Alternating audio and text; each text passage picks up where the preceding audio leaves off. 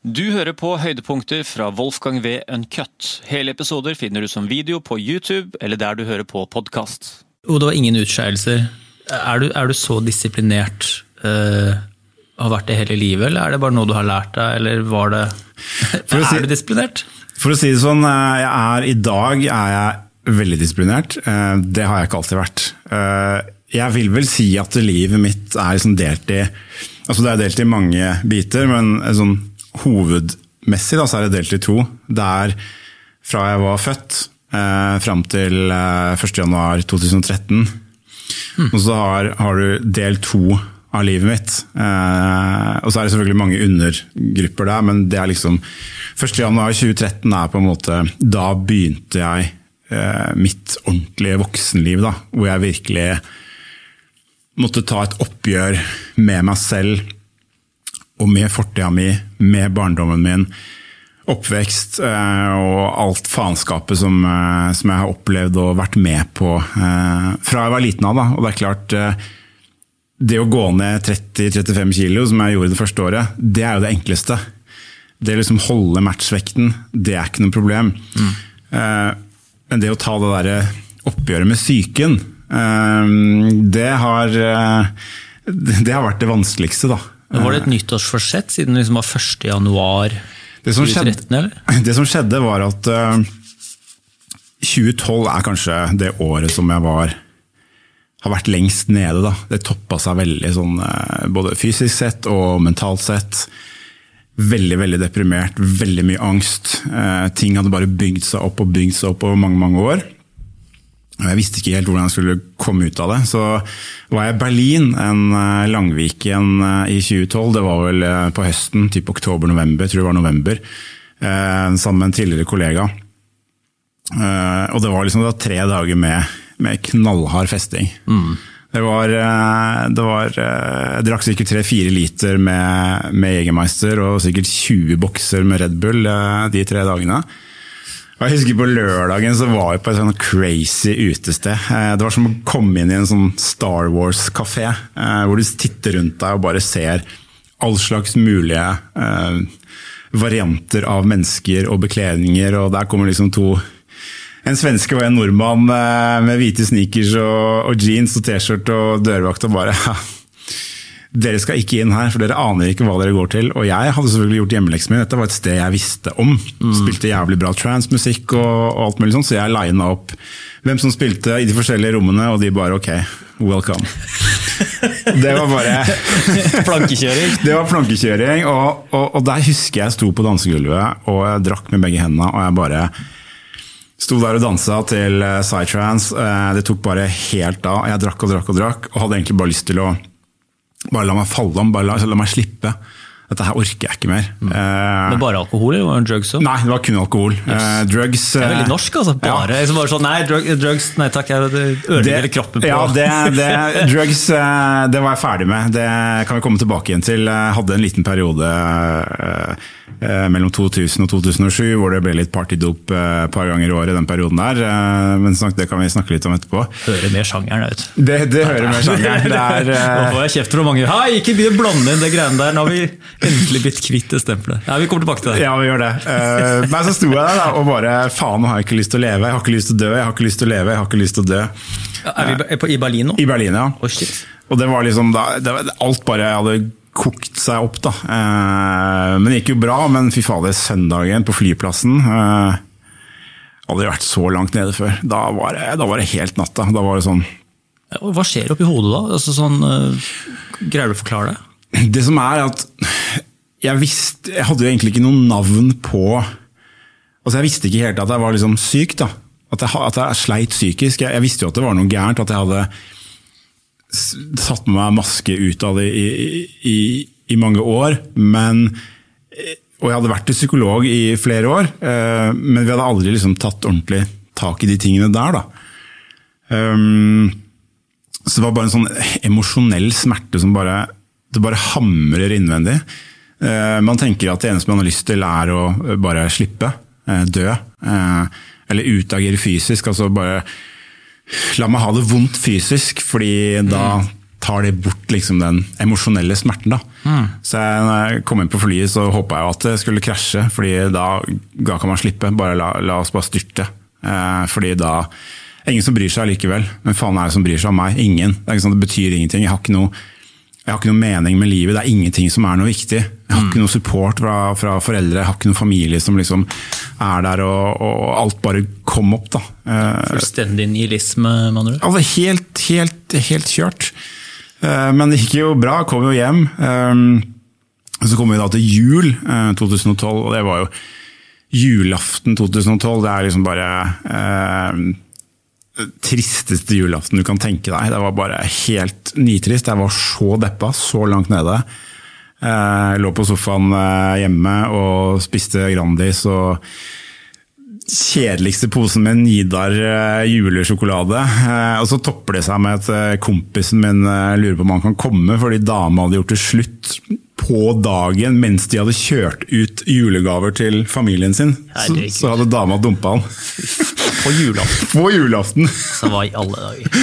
Så kommer han hjem til meg, og vi fyrer bare mer Grandis og mer sjokolade, og der sitter vi da to nisser, ikke sant, og bare da, da Du kommer ikke lenger ned da. Eh, og så går den uka, og så kommer vi til nyttårsaften, og var på en eller annen latterlig party oppe i Holmenkollen, og jeg bare drakk og drakk og drakk og drakk. eh, Og bare faen, hva er det som skjer nå?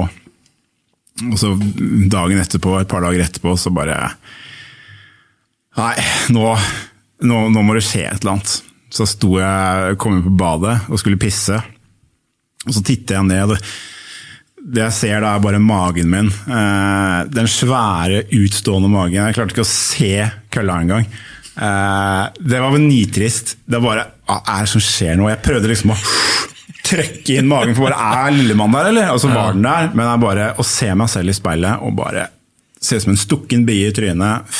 Jeg følte meg så jævlig, både fysisk og mentalt. Tok jeg et bilde, og så sa jeg til meg selv nå har du to muligheter. Nå kan du enten stikke på en eller annen fjelltopp og så hoppe ut, eller så bruker du hver dag resten av livet på å bli den beste utgaven av deg sjøl. Og da var det akkurat som det var en sånn flamme som ble tent. da. Eh, og jeg bare fy fader, nå, nå skal det skje.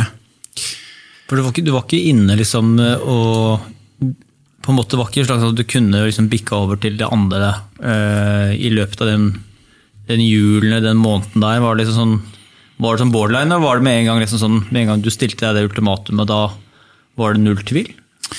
da, akkurat da var, det, da var jeg veldig sikker på hva jeg skulle gjøre. Um, men så har det jo vært perioder opp gjennom årene hvor man har hatt litt sånne der, um, mørke tanker. Uh, de har jo vært der i sinnssykt mange år. Um, men jeg fortrengte jo ekstremt mye eh, fra barndommen og oppveksten i, i, i voksenåra. Fra når jeg, når jeg dro i militæret da jeg var 17 ja, og fram ut 2012, så veldig mye av det jeg opplevde eh, i mine første 17 år, hadde jeg jo fortrengt. Um, Er det noe du har prata om? ja. Det, eh, det som er, er at eh, jeg har eh, skilte foreldre. Jeg vokste opp sammen med moren min. Og jeg flyttet hjemmefra når jeg var Jeg dro i militæret da jeg var 17. eh, Og vokste opp da sammen med moren min, en bror og en Jeg vil ikke kalle han en stefar, men han kom nå inn i livet til, til moren min.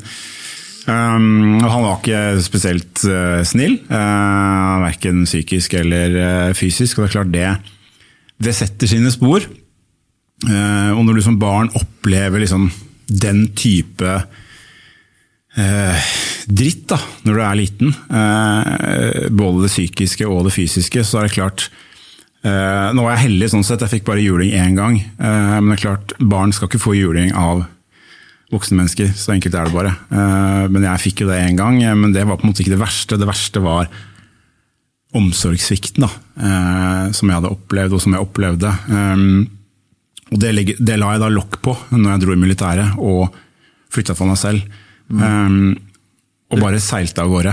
Du la det som et sånn kapittel bak deg. Ja. Nå bare, ja, nå, nå fortsetter vi. Yes, det, da, da, da var det bare å, å kjøre på. Men jeg tror nok at det begynte jo sannsynligvis på, på slutten av det året i militæret, når jeg var 18 år, med altså, veldig hard festing. Sånn, når du først festa, så var det liksom knallhardt. Da var det om å gjøre å drikke mest mulig. Eh, Hvilket år var du 18 år? det skal vi se, det var, var, det var i 1990 77, 87, ja, sånn 5-96. Og det er liksom Den perioden der jeg tenker jeg mange ganger fy fader at jeg gikk glipp av den perioden. og det virker som alle, Den, ja, den årgangen din altså fikk med seg de rave trans-årene der. Og jeg som sto liksom bare fikk med meg liksom ting via liksom på taket til foreldrene mine, hørte jeg Kalvefestivalen, dratt til liksom Prodigy herja der. og sånn. Alt virka så utrolig crazy, romantisk, vilt Ja. med ravekulturen på 90-tallet. Og så, ja. Den, eh, jeg, altså, jeg fikk med meg noe av det. Eh, Jeg begynte jo da jeg var ferdig med militæret, så var jeg veldig sånn usikker på, på hvilken retning jeg skulle gå. Så jeg, jeg begynte å jobbe som dørvakt uh, i Skien. Um, og, og da ble jeg veldig sånn introdusert for liksom dancemusikk. Eh, og etter hvert så ble det uh, trance, da, som jeg falt veldig for. Det derre svevende, melodiøse Det var jo det som tok liksom hele Norge med storm. ja. Det- det, det var som House-musikken var eh, den eh, greia som har vært der lenge, og trance kom som en slags sånn lykkepille Ja. eh, til hele, Nord, altså hele Europa Ja, det- på slutten av 90-tallet. Ja, det gjorde det. Det var bare helt, eh, helt sinnssykt. Jeg flytta jo til, eh, til Oslo første gangen i 98. og Det var liksom jeg kom jo til Oslo når, når transen virkelig begynte å bli megastor i Oslo. Ja, Hyperstate, Hyperstate, Subcity. Du hadde sant, Stigma, Lars Holte, Stein H, eh, Jamie Altså Daggy, du hadde um, Greedy Records eh, altså det, det bare kokte. Eh, og så traff jeg Roland Lifjell da, eh, på uteseksjonen, fordi han kjørte DJ-kurs der. Jeg var jo mye på det utestedet som heter Castro, vet ikke om du husker det? Jeg husker navnet. Den lå i tredje etasje Der som Elsker ligger i dag, rett ved siden av der, der var det utested. Det var Castro. Og tredje etasje der, fy faen. Der var jeg så mye. og jeg kunne, Det var ikke alltid jeg drakk, men jeg var der liksom fra det åpna på kvelden til det stengte. Og hørte på trans, eh, og ble jo helt forelska i den musikken. Så jeg tok vel DJ-kurs da sammen med Roland Wifjell rundt 2000-ish, i begynnelsen av 2000 var det vel. Og ble helt hekta eh, på å mikse vinyl og begynte å kjøpe plater og begynte å snurre skiver ute etter hvert. Og Litt sånn i første lidenskap, eller følte du som du fant noe, Ja, du fant noe det- mening med det? det, det er liksom første gang eh, at jeg hadde virkelig passion. Altså, liksom, spilt fotball i alle år og syntes det var veldig kult. og Football manager og championship manager og alt det greiene der. Men når jeg fant musikken, når jeg fant transen, eh, så var det på en måte Det hadde jeg sånn ekstrem passion for. Eh, samtidig så var jeg sykt dyktig. Eh, jeg, altså Det her å mikse, det satt med en gang. Eh, det var, jeg husker det var en som sa til meg, jeg husker ikke hvem det var, men han sa hvis du kan telle til fire, så klarer du å mikse. Eh, Men det, det er jo ikke riktig for å mikse på den tida der. Det må altså Unge folk som hører på her nå, som tror de er DJs.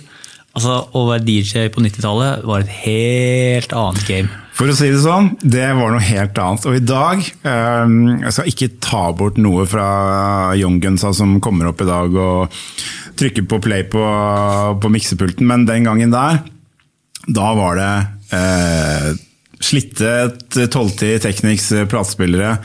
Eh, gamle miksere som definitivt ikke hadde BPM-tellere. og Der måtte du gjøre all jobben sjøl. Der måtte du kunne gjerne stå i tre-fire minutter før du fant den der biten. Ja. Men eh, for meg da, så satt jeg eller annen merkelig veldig naturlig. Jeg hadde veldig øre for, mm. for å telle og treffe ting på riktig måte. Og jeg fikk en ekstrem lidenskap for det å mikse eh, og det å spille ute, det å kjøpe plater, gleda meg til hver torsdag. Eh, Greedy Records, så var det sending fra Nederland og full pakke. Og Jamie og gutta der, de visste hva jeg likte. De hadde gjort, klar en bunke med skiver, så det var liksom bare å plukke da, fra øverste hylle. Eh, og var masse ute og hørte på. Studerte hvordan de miksa, hva slags musikk de spilte, hvordan publikum reagerte. Jeg bare slukte alt helt rått. Så da, da fikk jeg liksom en sånn veldig passion for, for musikk. da. Eh, og musikken skulle jo etter hvert vise seg å, å bety så mye at eh, jeg starta eget plateselskap, eller det var en kompis av meg som starta plateselskap. Above Recordings. Ja. Skal vi ha hørt om det? Jo, jeg mener, jo, men det er fort gjort liksom å forveksle altså, med Bob and Beyond-merkevaren og artisten og hele pakka, men eh, jeg har garantert vært borti det. Ja, så, um, så han ville ha med meg på, på laget. da. Han heter Marius, en tidligere kjempegod kompis. Eh, Så jeg ble da si, ansatt. Det var, jeg var jo ved siden av eh, Det var fritidssyssel. Så jeg var jo da A&R i selskapet og syntes det var veldig veldig kult. og kunne, kunne få lov til å være den som skulle liksom bestemme hva slags musikk vi skulle gi ut. da. Eh, Så vi ga ut eh, veldig mye. Det var house, eh, noe techno, mye trance. Vi ga ut en fysisk uh, mix compilation som Misha Helslott uh, miksa. Imagine the World. Ja, råtass. Jeg møtte en gang. Det er det største som skjedde i min treningskarriere. Jeg møtte han på Zapp-festivalen i Tønsberg. Sier du det? Jeg fikk eh, visittkortet hans. Det Oi. ble min peak, det. Det var din peak, ja. I transverden.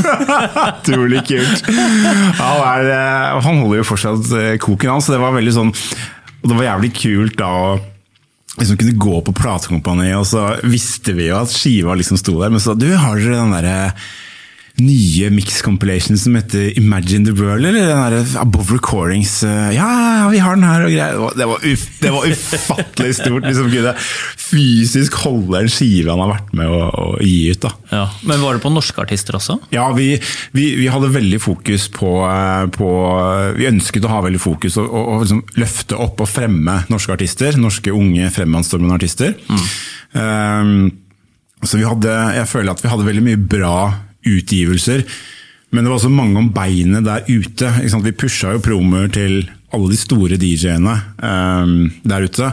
Men det var vanskelig å få spilletid, ikke sant? fordi eh, Armin, eh, Marcus Schulz, eh, Roger Shah, altså hele den pakka der, de får jo tusenvis av promoer hver uke. Uh, Men det hendte at vi fikk uh, fikk airtime på noen av låtene våre, så, og det var, det var kult. Det var, det var stort. Så det var en, det var en gøy periode, og vi arrangerte parties og, tjo og hei eh, ja, i flere år. da. Til, eh, mm, til jeg trakk meg ut i, i 2013.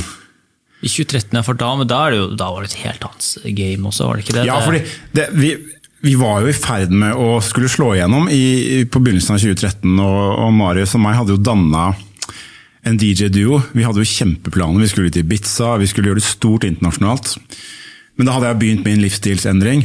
Eh, så litt sånn husker jeg var på Tomorrowland-festivalen eh, den sommeren i 2013. Og da tenkte jeg når jeg var der, fader, er, er, det, er det denne veien jeg skal gå? Eh, for da så jeg jævla mye dritt og hadde på en måte Ja, jeg var veldig ferdig med festing og alkohol og Og du fikk det der momentet, du. Det var Liksom, at musikken blir borte, og du står og bare ser rundt på hva er det jeg driver Ja, med. Jeg gjorde det. Har jeg også hatt. Har du det? Ja, ja. Det er helt en syk følelse. Ja, det er veldig det er sånn, Men det er sånn defineringsendrende, hva jeg skal kalle det, sånn et moment i livet hvor du bare sånn i, liksom, I action med omgitt av mennesker. For meg var det på, faktisk på en Justice-konsert Sier du det? i Oslo. Fader. Som var en jævlig fet konsert. og folk var dritgira, og jeg digga musikken òg. Men det er sånn der, da, da gikk det opp for meg, ikke så kanskje sånn store som den, jeg skal ikke uh, Ja. avbryte for lenge, men det var bare sånn der, det var, da gikk det opp for meg at bare, jeg, jeg er litt lei i det her. Mm. Å dra på liveting, dra på konserter, dra på klubb. altså jeg, ikke jeg har ikke noe glede med det lenger. Jeg, jeg, finner, jeg finner ikke gleden i det. Det er ja. mer sånn pliktoppmøte. Fikk, det var min sånn aha-opplevelse der.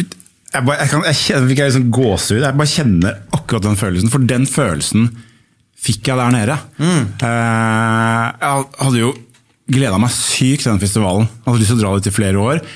Vi hadde fått VIP-billetter og liksom fett hotell, og alt var liksom bare Det var egentlig bare dritkult. Um, men, for, men, men, men det var bare sånn antiklimaks. Det, det var liksom så mye eh, at det er ikke musikken jeg husker fra de to-tre dagene. Det er bare alt kaoset. Eh, alle drita fulle mennesker, alle rusa mennesker. Eh, fulle DJs, rusa DJs. Altså det, var bare, det er det jeg husker, da. Jeg husker av de mange setta vi hørte på, så er det ett sett jeg husker. Mike Push. Spilte et sånn classic sett på, på vinyl på en sånn liten, eh, bortgjemt scene. Det var sykt fett. Det liksom fikk jeg med meg, da. Eh, Men, eh, men da jeg kom hjem, så måtte jeg ta en skikkelig runde med meg selv og bare For da skulle jeg begynne i ny jobb som, som, som leder eh, i september 2013. og det er klart, det, det, det og treninga tok mye tid. Eh, musikkjobbingen ved siden av, det følte jeg liksom bare nei. Eh, så jeg sa til Marius jeg trekker meg fra dette. Jeg orker ikke mer. Det var et liksom spennende tidspunkt, eh, og kanskje vanskelig tidspunkt. For det var liksom før liksom denne helsebølgen liksom eh, skylte innover eh, Norge, i hvert fall, så vidt jeg kan huske. At det nesten var litt sånn Selv da var kanskje litt sånn, jeg vet ikke om det var litt sånn flaut å si at man er ambisiøs.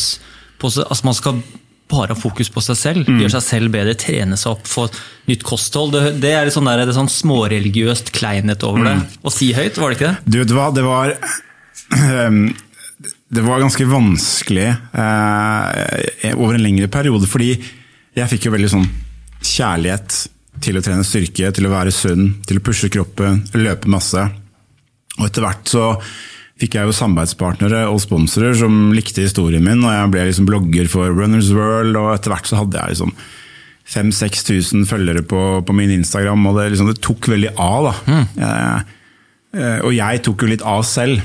Jeg mista nok litt eh, jeg mista nok litt, litt fotfeste, eh, fordi alt handla om alle de sjuke tingene jeg skulle gjøre. Jeg skulle bli den råeste, jeg skulle bli helt sånn crazy, jeg skulle gjøre bare sånne ville stunts hele veien. Mm. Men det er klart, det førte jo også til at folk synes det, noen folk syntes det her var ganske kult. Eh, og der ville vi ha med på laget. Så da ble det jo en del kule samarbeidspartnere og kule prosjekter og, og sånt noe. Men fikk jo en del pepper òg, sånn fra, fra, fra, folk eh, liksom her og der som mente at det liksom ble Altså tok litt for mye av, da. Ja, eh, mist, men det begynner også at man mister, man mister liksom noen som har stått seg nær, da, så er det sånn der veldig fort, så blir det som venner med en gang sånn hva slags sånn sektlignende greier du liksom ja. havna i. Og det er jo liksom venners oppgave å passe på at liksom også, de kompisene som går inn i sånne kjappe forvandlinger, er ofte kanskje ikke til det beste. Men Nei. av og til så er det sånn, det er en avveining også, som venn, da, om du skal liksom backe det her eller være sånn uh, myk kritiker på sida, eller? ja, jeg vet det. Og, eh, og jeg, men jeg gjorde liksom min ting. og Jeg kjørte på, jeg ga liksom faen i alt og alle. Og, mm. og, og det er for så vidt det er greit å gjøre sin ting, men, men jeg visste ikke helt liksom hvorfor, hvorfor gjorde jeg det egentlig. Ja. Eh, I dag ser jeg jo på det, som, ser jeg det på, en, på en litt annen måte eh, enn den gangen der, men jeg er veldig glad for at jeg var igjennom akkurat den, den perioden der. Da. Eh, og når jeg nå ser tilbake igjen på hvordan jeg fremstår, så bare sånn Det der var jo ikke helt deg. Mm. Jeg husker den, den dagen jeg sletta Instagram-kontoen min, det var i slutten av 2017. Så satte jeg med telefonen i hånda, og så hadde jeg jo da brukt ja, 13, 14, 15, 16, 17, fem år på å bygge opp mitt brand, min merkevare. Mm. Eh, og det kunne virkelig vært en, en, ticket til noe større, da. Men jeg fikk så nok av alt. Og jeg begynte å bla igjennom og så mye hva jeg hadde lagt ut, hva jeg hadde skrevet. Fan, det der er ikke deg, Thomas. Det er egentlig ikke deg. Mm. Så begynte det med at jeg sletta noen poster, og så bare fuck it. Sletta hele Instagram uten å si noen ting til noen, og så avslutta jeg alle samarbeidsavtaler og sponsoravtaler. Wow. Og sto bare helt på egne ben, eh, og har gjort det siden. Og det beste valget jeg har gjort i hele mitt liv. Eh, og så tok det ikke så lang tid igjen før jeg begynte igjen, men da handla det om litt andre ting. Da var det ikke, da var det ikke liksom jeg som skulle være fokuset. Da måtte jeg finne fokuset på litt andre ting. Mm. Så det var ganske spennende. Jeg angra jo litt, selvfølgelig. Du har brukt fem år av livet ditt på å bygge opp et merkevare og virkelig fått med deg en klan med tusenvis av mennesker, og så bare alt borte. Så... Og fra 2013 til 2018 så lagde du altså, ja. det du snakker om? Ja. Hva var mål, var det, Hadde du et mål der om å bli en slags sånn kjendisfyr ja, ja. innenfor det segmentet der? Eller? Jeg skulle jo, i, i, 2016 så skulle jeg bli eh, superkjent i Norge som den første norske løper som skulle fullføre fire sånne Four Deserts eh, ørkenløp da, på 250 km mm. innenfor ett kalenderår. For du var i god form allerede da? Ja, jeg var i veldig god form. Og, eh, og eh, da var sånn ting veldig på gang. Og, og jeg skulle bli eventyrer, eh, ultraløper, eh, foredragsholder. Skulle bli den råeste mentaltreneren Norge hadde sett noen gang. Skulle virkelig ta Norge med storm, da. Eh, og det var liksom bare det som var fokuset. Det var liksom råskap og om å gjøre å være mest mulig crazy eh, mm. hver uke og bare pushe og ja, ikke sant. Eh, og det gjør jeg for så vidt fortsatt i dag, men nå har jeg liksom en sak, nå er jeg litt annerledes. Eh, nå føler jeg at jeg Nå er jeg meg selv 100% Jeg står for alt jeg sier og gjør og i det hele tatt. Det gjorde jeg kanskje ikke i den perioden der. Sånn innimellom så handla det om å få mest mulig likes og comments og skape mye blest rundt Thomas Stordalen. Da. Mm. Um, mens nå handler det selvfølgelig også om Thomas Stordalen og de drømmene, de visjonene, de målene jeg har. Men nå har jeg med meg en sak også som er jævlig viktig, som, som betyr sykt mye for meg. Og da blir det på en måte Da kommer liksom det andre bare av seg selv. Mm. Jo mer jeg kan få fokus på saken, eh, så, så, er det, det er det beste, det er det viktigste. Eh, og da kommer jo også andre ting. Eh, som likes og comments og medier og den tingen. Men det bryr, jeg, noe, det bryr jeg meg ikke noe om i dag. Wolfgang V. Uncut.